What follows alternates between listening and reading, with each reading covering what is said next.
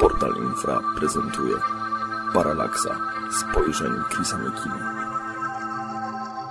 Cześć, nazywam się Chris Miekina i zapraszam wszystkich do Paralaksy numer 8. Będzie ona poświęcona zdalnemu postrzeganiu Marsa, a także innych planet naszego Układu Słonecznego. W doświadczeniach związanych z wykorzystaniem technik zdalnego postrzegania brał udział m.in. major Edward Dames, emerytowany już dziś oficer armii amerykańskiej. Jest on obecnie konsultantem, ale wkrótce chce zrezygnować ze wszystkich komercyjnych projektów, które do tej pory realizował i poświęcić resztę swojego burzliwego i niespokojnego życia na odkrywanie tajemnic UFO. W swojej bogatej karierze Ed Dames został zaangażowany do projektu, którym zastosowano zdalne postrzeganie do obserwacji Marsa.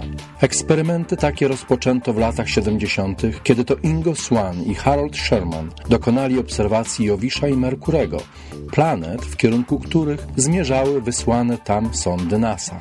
Informacje, jakie zdobyli posługujący się zdalnym postrzeganiem wywiadowcy, były zaskakujące, jak na przykład stwierdzenie istnienia kręgów wokół Jowisza, co zostało później potwierdzone w sposób naukowy. Tym, który jako pierwszy dokonał zdalnego postrzegania Marsa, był John McMonigal. Używał on techniki zwanej dziś przedłużonym zdalnym postrzeganiem, polegającej na wprowadzeniu obserwatora w odmienny stan świadomości, a następnie go w pomieszczeniu, w którym panowały egipskie ciemności. McManigal opowiadał o rozmaitych cywilizacjach, jakie rozwijały się na Marsie. Informacje te zostały następnie wykorzystane przez Ingo Swana i Harry Putnama w 1983 roku, kiedy stworzyli oni grupę zdalnych postrzegaczy, a także jasnowidzów po to, aby dokładniej przyjrzeć się określonym punktom na Marsie. W efekcie zebrano ogromne ilości informacji na temat starożytnej cywilizacji Marsa, która miała powstać dzięki połączeniu się ze sobą dwóch odmiennych ras zamieszkujących tą planetę. Nie byli oni zaawansowani technologicznie i mieli pokojowe nastawienie. Nie posiadali też wyrafinowanej broni. Ich poziom rozwoju można porównać do tego, co reprezentowali Majowie w swoim szczytowym okresie. Mieszkańcy Marsa byli szczupli i wysocy, w dużej mierze dzięki niewielkiej grawitacji, której siła to zaledwie jedna trzecia tej, jaką mamy na Ziemi. Mars w tamtych czasach przypominał swoim wyglądem Ziemię. Był porośnięty bujną roślinnością i posiadał duże zasoby wody. Cywilizacja na Marsie zaczęła powoli zamierać wraz z pojawieniem się gigantycznych sztormów, które zaczęły pustoszyć planetę. Marsjanie próbowali przetrwać i budowali kamienne schronienia i tunele pod powierzchnią planety. Pod ziemię przenosiły się w ten sposób całe miasta. Major Ed Dames nie jest jednak w stanie powiedzieć, w jakim czasie miały miejsce owe wydarzenia, bo podczas seansów zdalnego postrzegania jest bardzo trudno określić czas, w którym odwiedza się dane miejsce.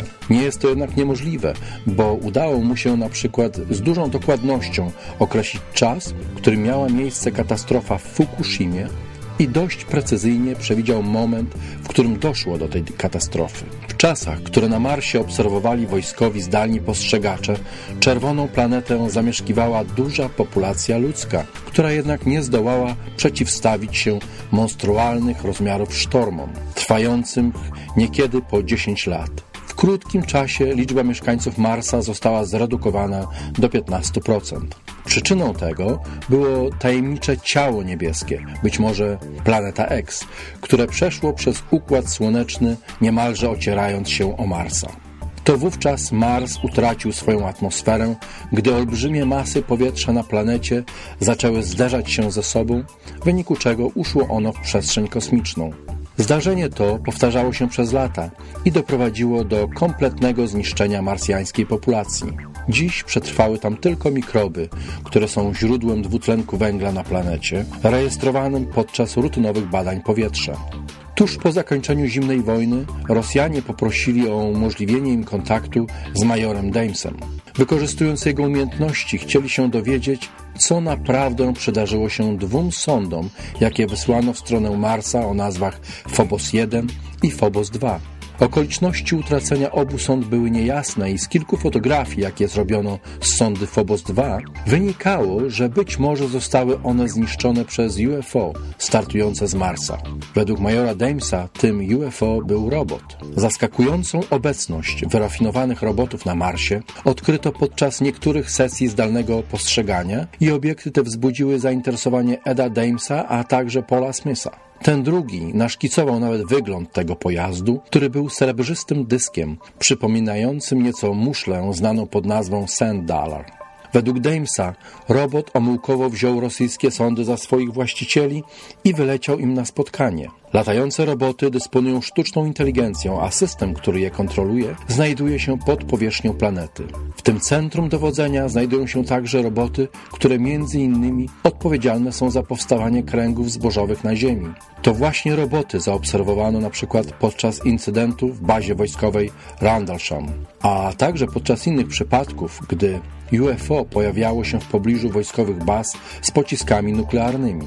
Ed Dames nie wie, dlaczego roboty z Marsa reagują w ten sposób. Podejrzewa, że być może są zaprogramowane na to, aby nawiązać z nami kontakt i być może używają języka świadomości, aby pokazać nam, gdzie je należy szukać. Język świadomości jest uniwersalnym językiem i sposobem, dzięki któremu można się porozumiewać w przestrzeni kosmicznej. Taki raport Ed Dames wysłał Rosjanom. Tak więc to, z czym mamy obecnie do czynienia na Marsie, to mikroby, ruiny, podziemny komponent, a także przynajmniej jeden z dysków, który znajduje się na powierzchni planety. Niestety, nawet jeśli łazik Curiosity wjedzie na jego powierzchnię, nie będzie w stanie stwierdzić, że porusza się po sztucznie zbudowanym urządzeniu. Sensory Curiosity nastawione są na znaleziska geologiczne, przez to nie będą one w stanie zidentyfikować urządzenia opartego na wyrafinowanej technologii. Jednym z wielkich entuzjastów ewentualnego życia na Marsie i jego burzliwej przeszłości jest oczywiście Richard C. Hoagland, autor książki Monuments on Mars. Ed Dames wysłał w 1993 roku Hoglandowi propozycję biznesową opiewającą na 9,5 tysiąca dolarów za zdalne postrzeganie Cydonii, gdzie według Hoglanda znajdują się ruiny dawnej marsjańskiej cywilizacji. Hogland jednak, znając wojskową przeszłość Damesa, uznał, że taka propozycja jest próbą infiltracji jego pracy przez CIA. Kilka miesięcy później Ed Dames o zdalne postrzeganie Marsa poprosił samego Ingosłana. Ten jednak odmówił, tłumacząc, że jest już na emeryturze. Ostatecznie projekt przejął jeden z uczniów majora, zajmujący się zawodowo zdalnym postrzeganiem. Zdalne postrzeganie zastosowano również do badań nad Księżycem. Dames pracował wówczas dla DIA, Defense Intelligence Agency, gdzie nie tylko był oficerem operacyjnym, ale także nauczycielem. Do jego obowiązków należało także interpretowanie danych wywiadowczych od Ingosłana i innych obserwatorów, a także trenowanie nowych adeptów sztuki. To właśnie im podczas przeprowadzanych ćwiczeń podsuwał dane i koordynacje, jakie uzyskał od naukowców badających inne ciała niebieskie, sugerujące aktywność pozaziemskiej inteligencji. Dzięki temu dostrzeżono na przykład szklane odłamki na Księżycu. Ed Dames uważa, że to pozostałości po urobku z księżycowych kopalni. Nie wie on jednak, co takiego wydobywano z jego wnętrza. W kopalni pracowały roboty podobne nieco do R2D2, które zostały stworzone przez inne roboty. Pod powierzchnią Księżyca znajdują się struktury, które Dames porównuje do parkingów. Znajdują się tam latające dyski, które odwiedzają Ziemię. Z kolei po ciemnej stronie Księżyca ma się znajdować przypominająca sześcian struktura, która wciąż jest aktywna. Nie wiadomo czym ona jest. Nikt tam też nie mieszka i nie wiadomo do czego ona służy. Jednak według zdalnych postrzegaczy struktura ta nadal wykonuje jakiś rodzaj pracy. Jest to technologia daleko wykraczająca poza nasze obecne możliwości. Obiekt ten został zauważony przez japońską sondę, a także przez amerykańskiego satelitę Clementine.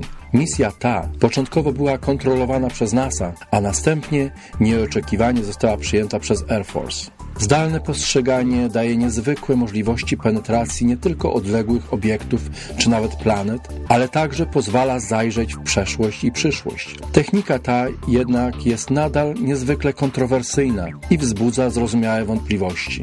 Jednak fakt jej stosowania przez wszystkie zaawansowane technologicznie armie świata, a także utrzymywanie wyników takich prac w ścisłej tajemnicy wskazuje, że nie są one pozbawione sensu. Legendarna jednostka, do której należał Ed Dames, zakończyła swoją działalność, ale nieoficjalnie wiadomo, że doświadczenia ze zdalnym postrzeganiem prowadzone są nadal. W programie Paralaksa mówił Chris Miekina. Zapraszam także na moją stronę internetową nowaatlantyda.com. Cześć!